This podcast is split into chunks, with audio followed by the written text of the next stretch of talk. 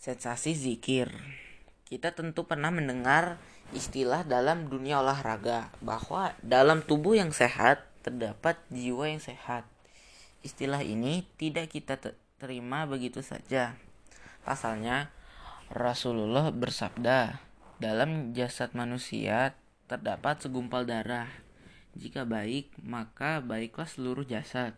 Namun, jika rusak, maka rusaklah seluruh jasad. Ketahuilah bahwa segumpal darah yang dimaksud adalah hati.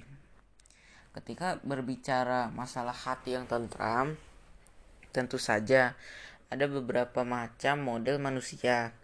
Kalau kita lihat di dalam Al-Quran, dari surat Al-Fatihah sampai surat Anas, kita akan menemukan tiga model manusia yang ditinjau dari segi kualitas hatinya. Yang pertama disebut dengan kalbun marir. Seorang yang hatinya ada penyakit. Kalau dibaratkan, hatinya ini adalah sebuah wadah, katakanlah sebuah gelas. Kemudian gelas ini diisi air. Tiba-tiba air tersebut dimasuki sebuah racun, maka air itu sudah tidak bernilai gizi lagi. Atau sebutlah susu misalnya. Kita tidak akan meminum susu itu kalau dalamnya ada racun. Pasalnya racun tidak akan memberikan gizi, justru akan memberikan kita penyakit. Siapakah mereka yang hatinya ada penyakit? Berdasarkan firman Allah dalam Al-Quran, mereka yang mereka adalah orang-orang munafik. Orang-orang munafik kalau diterjemahkan dalam bahasa modern saat ini adalah orang-orang yang hipokrit. Dalam arti lain dalam ucapan, lain dalam hati, dan juga lain dalam perbuatan. Yang kedua yaitu ada kata kamal lahu ala kulubihim. Orang adalah orang yang Allah kunci hati mereka. Kalau kita ibaratkan ada sebuah rumah yang sudah terkunci rapat. Mungkinkah Anda masuk ke dalam rumah itu Begitulah perumpamaan orang-orang yang kufur. Hati mereka seperti rumah yang pintunya terkunci dan terdapat gembok. Bagaimana mungkin tamu hidayah ini masuk ke rumah tersebut?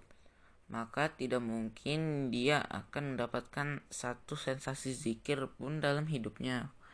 Begitu ingin masuk tertahan oleh pintu yang terkunci rapat dengan gembok yang begitu kuatnya. Alangkah sayangnya kalau kita berzikir sementara hati kita terkunci rapat, tergembok dengan begitu kuat, maka sulit sekali tamu hidayah ini masuk ke dalam diri kita. Ketiga, kalbun mutmainah, hati yang tentram. Supaya kita mengalami proses dan sensasi dalam berzikir, maka syaratnya adalah kalbun mutmainah ada hati yang tentram tidak ada penyakit tidak ada yang terkunci tidak ada yang terkembok dan tidak ada penyakit-penyakit. Ciri-ciri orang hatinya tentram itu ada dua